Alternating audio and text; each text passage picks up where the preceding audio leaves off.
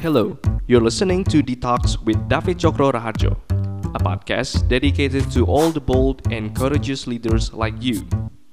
Your host, David Chokro Raharjo, is a business leadership coach, multinational entrepreneur, and an investor. In each episode, David will share his thoughts on relevant strategies in business leadership and personal development. Here's your host, and let's get right to it. Hai everybody, hari ini saya bersama-sama dengan Rachel, anak saya. Hai hai to Rachel. Yeah, jadi hari ini kita akan cerita tentang hope. And the reason why we are talking about hope today, karena satu, I want to teach about hope kepada Rachel, tapi juga berbagi dengan kalian semuanya. So, uh, right now Rachel, there's a lot of people, they are going back into uh, PSBB, you know, uh, the lockdown again in Jakarta. And uh, people are wondering, people, a lot of people are writing to Papa and asking like, how long will this PSBB going to be, right? Is it going to be one week, one month? Is it going to be until the end of the year, ya kan? Jawabannya adalah nobody knows. You know, saya nggak tahu. Uh, I think pemerintah juga nggak tahu. Belum ada yang tahu sampai kapan. We have to put public safety first. Dan oleh karena itu, today I want to talk about hope. And this is not originally my thoughts. Uh, this is something that uh, I learned from my pastor and my mentor Jeffrey Rahmat uh, this morning di gereja dia khotbah and I thought that it was such a great sermon so I decided to recreate it untuk sesuatu yang kita kita para pengusaha khususnya mungkin mudah-mudahan bisa uh, belajar bersama-sama. So Rachel is gonna assist me to do this so let's do this. So when we are thinking about the subject of when we're thinking about the subject of hope as you're thinking about the subject of hope, right? Yang pertama-tama adalah this hope is giving you, you know, an ability to see what is in the future.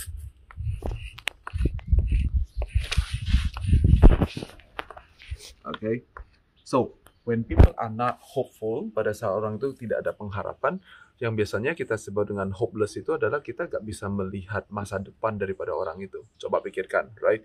Kalau semuanya uh, kalian punya anak buah atau kalian punya uh, orang yang bekerja buat kalian, and then kita udah terus mencoba menjelaskan sesuatu sama dia, kita udah ngomongin, udah ngomongin, terus orang ini gak bisa dengar dan terus tidak berubah, tidak berubah.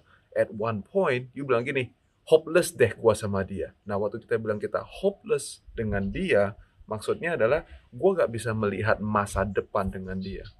Nah sampai di titik kita masih bisa melihat masa depan dengan orang ini, artinya kamu masih hopeful, kamu belum hopeless. Jadi hope berbicara tentang sesuatu yang kita bisa lihat di masa depan kita. Oleh karena itu, this is the question I have asked you guys many many times, and I'm gonna ask you one more time, right? 10 tahun dari sekarang, what do you see?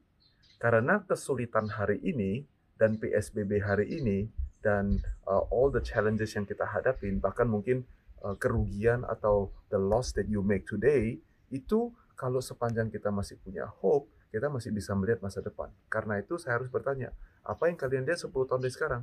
Karena yang hari ini membuat kita tertutup dan sehingga kita hanya berpikir hari ini saja, tapi kalau kamu bertanya pertanyaan 10 tahun dari sekarang, kira-kira Indonesia ada di mana?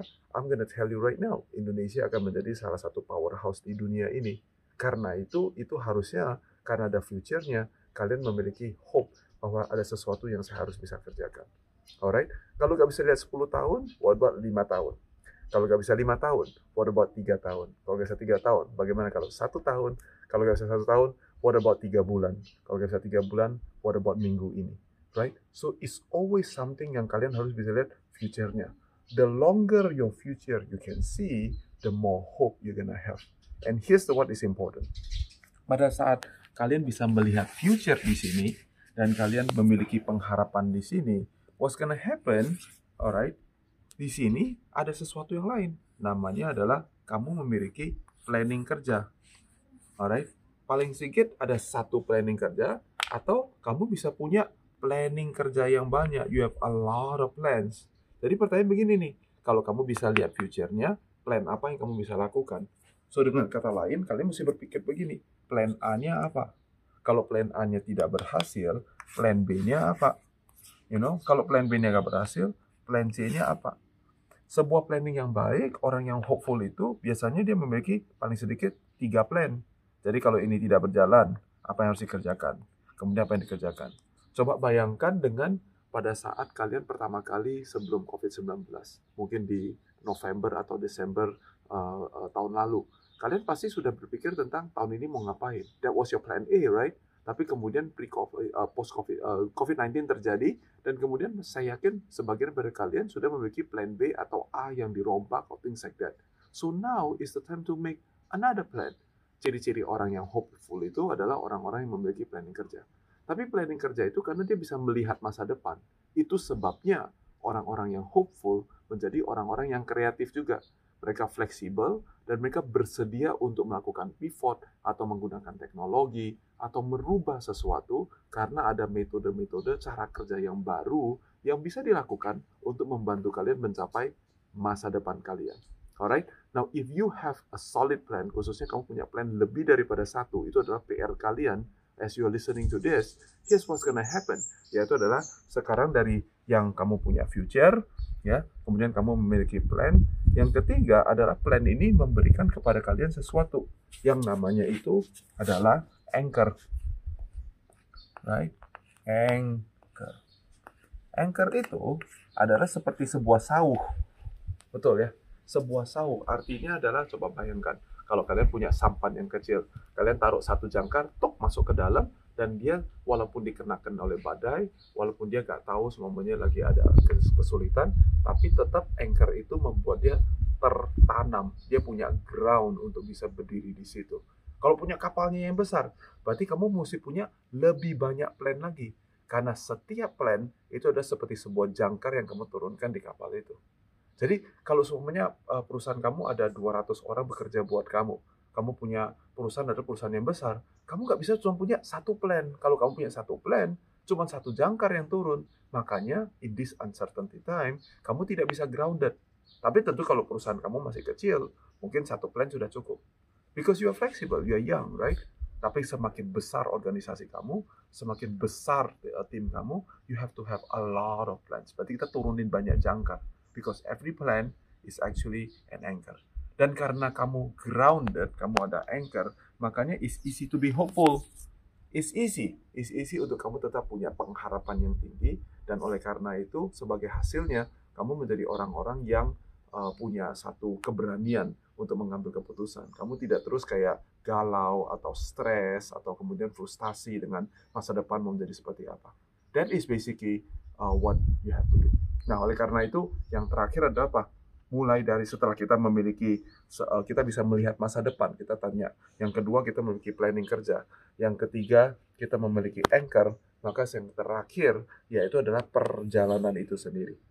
Satu-satunya hal yang kita tidak bisa prediksi yaitu adalah berapa lama lagi kita akan ada dalam posisi ini. Satu minggu satu bulan tiga bulan satu tahun saya gak bisa menjawab pertanyaan itu kamu juga gak bisa menjawab pertanyaan itu maka di dalam masa penantian ini, I said this before, but I'm gonna say it again. Ada tiga hal yang kamu bisa dapatkan dengan gratis setiap harinya. Yaitu adalah seperti embun, bahasa Inggrisnya adalah dew, D-E-W. Ada tiga yang kamu dapatkan secara gratis setiap hari. D adalah untuk dream. You can dream bigger. Oke? Okay? Kalau kalian bisa melihat 10 tahun, kamu bisa dream bigger. Why don't you expand your dream? Yang kedua adalah expectation. You can expect things to go according to your plan today. You don't have to wake up every day dan selalu mengatakan bahwa adalah oh here's another bad day. If that's what you're expecting in your life, that's why it's happening. Uh, Rachel adalah um, uh, uh, adalah saksinya hari ini uh, dia bersama-sama dengan saya. When we go traveling all over the world, right, we do a lot of road trip. And every time we go inside a place that is so many people are in there, a lot of cars are already parked. I always tell my children, I tell Rachel, I say, like, Rachel, why don't you pray asking for a good parking spot? You know, it's a simple thing. Tapi anak-anak saya doa. Dan mereka bilang, Dear Lord Jesus, we ask for a good parking spot. In Jesus' name we pray, Amen. Simple, tapi what I have teach my children to do, that is free of charge. Yaitu apa? Yaitu adalah to have an expectation that people will be favorable to us. And can I tell you something? 99% of the time, right after anak-anak saya berdoa, mengganti ekspektasinya bahwa walaupun rame tapi kita akan dapat tempat parkiran. Saya nggak tahu berapa ratus kali kita mendapat parkiran di dekat pintu daripada mall atau di toko yang kita mau pergi dan kita gak usah jalan jauh-jauh sekali, right? And because expectation is something that is free and expectation itu merubah si environment, merubah mood saya. Dan yang ketiga adalah your words. Apa yang keluar daripada mulut saya itu adalah sesuatu yang 100% dikontrol oleh saya and it is free of charge. Gak perlu bayar untuk mengatakan sesuatu yang positif. Tapi kalau mulut kamu selalu bilang adalah aduh sialan, aduh sialan. You know what? Sial beneran. Tapi kalau sebenarnya kita mulut kita selalu mengatakan bahwa adalah ini hari yang baru dan saya akan uh, menggunakannya dengan baik. Tahu gak apa yang terjadi? Maka kehidupan kalian juga berubah sesuai dengan apa yang kamu ucapkan di mulut kamu. Kenapa? Because your words create your world. So, as I'm coaching my daughter, I'm also coaching you. My name is David. and I hope we'll see you again. And when we meet, I hope that we're gonna hear stories about how your hope changed your future. Thank you for listening to Detox. Ask DT your questions about business or personal development on davidchokroraharjo.com. See you on the next episode.